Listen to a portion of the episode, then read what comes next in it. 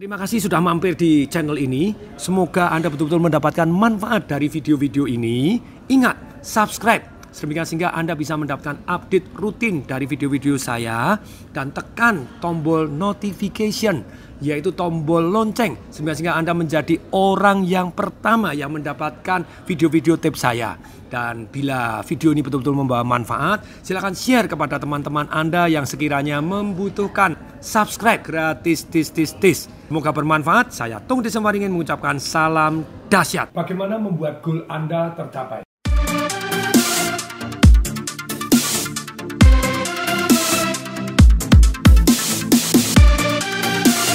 Bagaimana membuat goal Anda tercapai?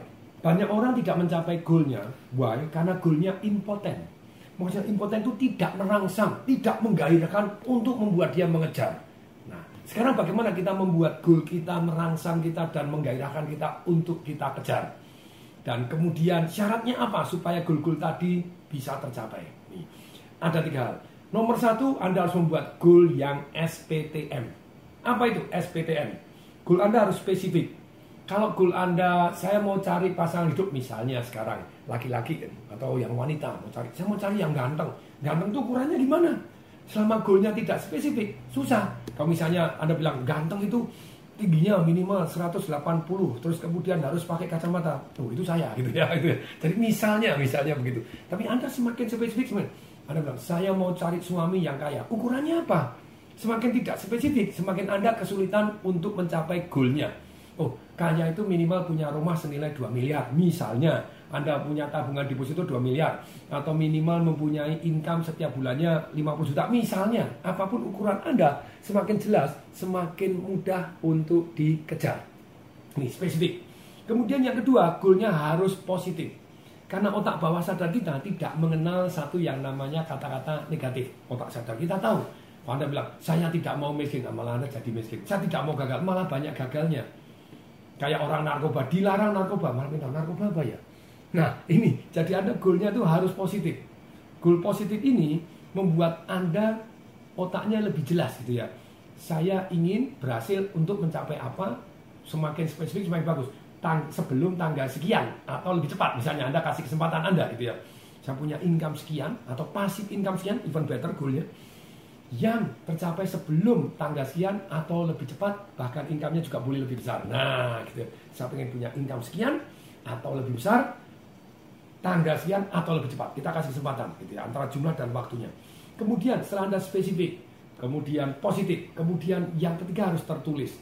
Ada yang menarik. Goal tertulis itu ada yang ajaib. Seperti kita melakukan kontrak dengan alam semesta. Satu hari saya pergi ke luar negeri pulang gitu ya kemudian saya nyari loh kok cincin saya tidak ada gitu cincin warisan papa saya bukan masalah harganya. Saya bongkar bongkar bongkar bongkar bongkar bongkar, bongkar. ya singkat kata cincinnya ketemu. Tapi pada waktu saya bongkar lemari besi saya ketemu goal yang tertulis. Goal saya yang tertulis ini saya ingin sekali pada waktu itu setahun ternyata tidak tercapai.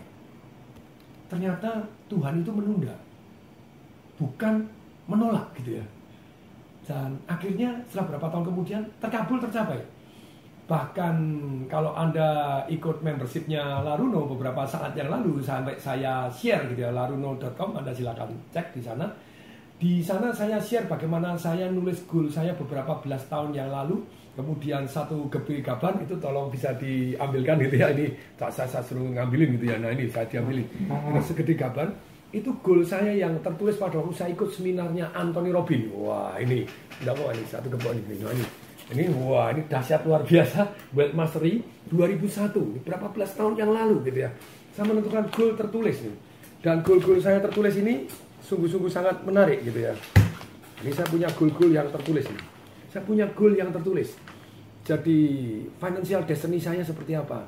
Goal satu tahun saya. Kemudian goal lima tahun saya goal 10 tahun saya, kemudian goal 20 tahun saya. Sungguh ajaib apa yang saya tulis goal 20 tahun ini. Belum sampai 20 tahun sudah tercapai gitu ya. Dan bahkan kalau saya membaca goal saya yang tertulis di kartu kecil yang ke mana-mana saya bawa, kadang saya malu, aduh goal kok kecil bener sih gitu ya. Tapi kembali lagi, Anda tulis goal Anda ada yang ajaib. Bahkan Anda taruh, Anda lihat, sudah supaya bisa, supaya bisa. Terus Anda tes cermin, apa yang saya lakukan sekarang bisa sampai sana enggak? Nah, itu Anda melakukan tes cermin dengan goal Anda. Jadi SPTM tertulis, kemudian M-nya harus menarik. Ya tadi yang saya ceritakan di awal bahwa goal Anda ketika impoten tidak menarik. Goal pengen duit sekian. Oke, okay, duit adalah just one. Tapi duit itu tidak ada emosinya. Kalau Anda bisa lengketkan something yang ada emosionalnya, jadi menarik. Yang saya sering share. Kalau Anda misalnya beragama Islam, kemudian Anda mempunyai goal, saya ingin punya penghasilan sekian. Untuk apa? Supaya saya bisa mengirim orang tua saya naik haji. Dan kemudian Anda bisa imajinasikan ketika orang tua Anda naik haji atau umroh, kemudian bisa nyium hajar aswas, dan kemudian nangis orang tua Anda dan bilang, ya Gusti, ya Allah terima kasih karena anak saya sukses ini saya bisa dikirim ke sini Nah itu menyentuh hati luar biasa. Jadi goal itu harus ada yang menariknya. Kalau Anda tidak ada emosinya, impoten gitu jadi. Supaya kemungkinan Anda berhasil, Anda masuk ke satu yang namanya SPTM. Ini goalnya satu. Kemudian ini satu goal. Yang kedua, supaya kemungkinan berhasil lebih tinggi, Anda harus punya alasan sangat kuat. Saya sering ngomong, big why. Kalau why-nya not big enough, Anda tidak bergerak. Anda bilang, tidak mungkin, tidak bisa, susah. Kalau Anda merasa punya goal, Anda tidak percaya diri bahwa Anda bisa, selesai. Seringkali saya ngomong waktu seminar. Kalau Anda loncat menyentuhkan atap Anda setinggi 12 meter ini, mungkin nggak? Hmm, nggak mungkin. Tapi begitu dikasih alasan sangat kuat. Alasan sangat kuat itu hanya nikmat dan sengsara. Kalau Anda berhasil, Anda dikasih satu triliun rupiah cash keras. Siapa yang mau mikirin? Saya mendadak langsung mikirin. Tapi ternyata sumber motivasi, alasan yang sangat kuat, 80% adalah menghindari sengsara. Hanya 2% yang mencari nikmat.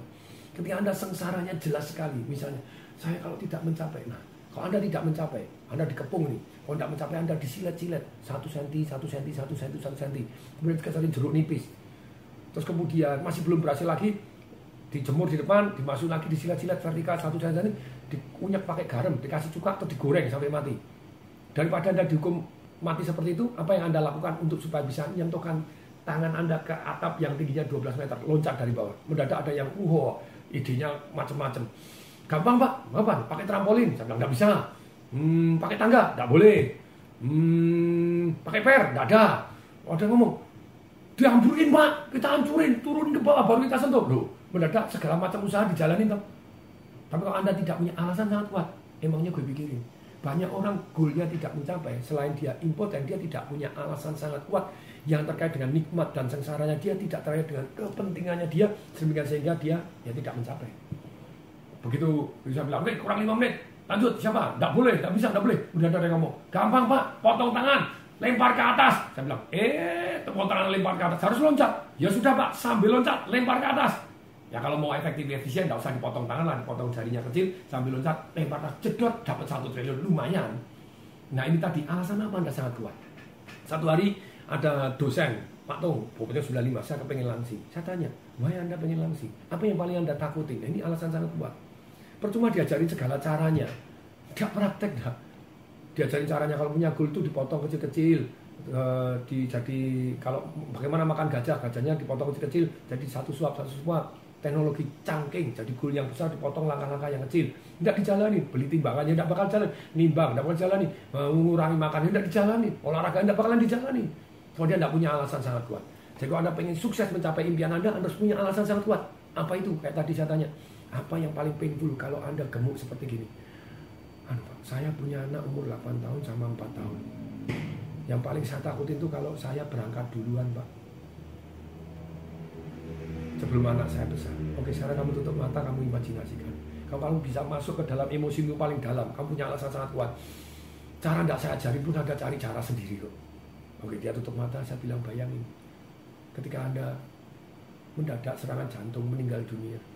Ataupun apa. Koma, stroke, jedot. Anak saya Anda nangis, Bapak bangun, Bapak bangun. Dan Anda tidak bisa bangun. Karena Anda koma, karena Anda stroke. Anda mungkin dengar tapi tidak bisa gerak sama sekali. Atau mungkin Anda sudah mati, Anda melihat dari atas. Anak-anak yang kecil mukanya, Bapak bangun. Lebih dalam lagi, relax, imajinasikan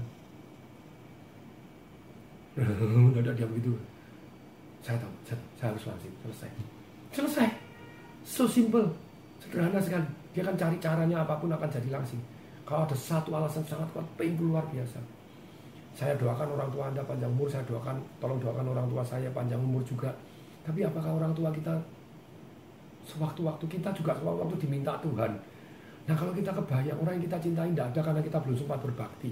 Atau kita sendiri tidak ada karena belum menyiapkan untuk anak cucu kita, untuk istri kita, untuk keluarga kita, untuk suami kita. Apa yang terjadi?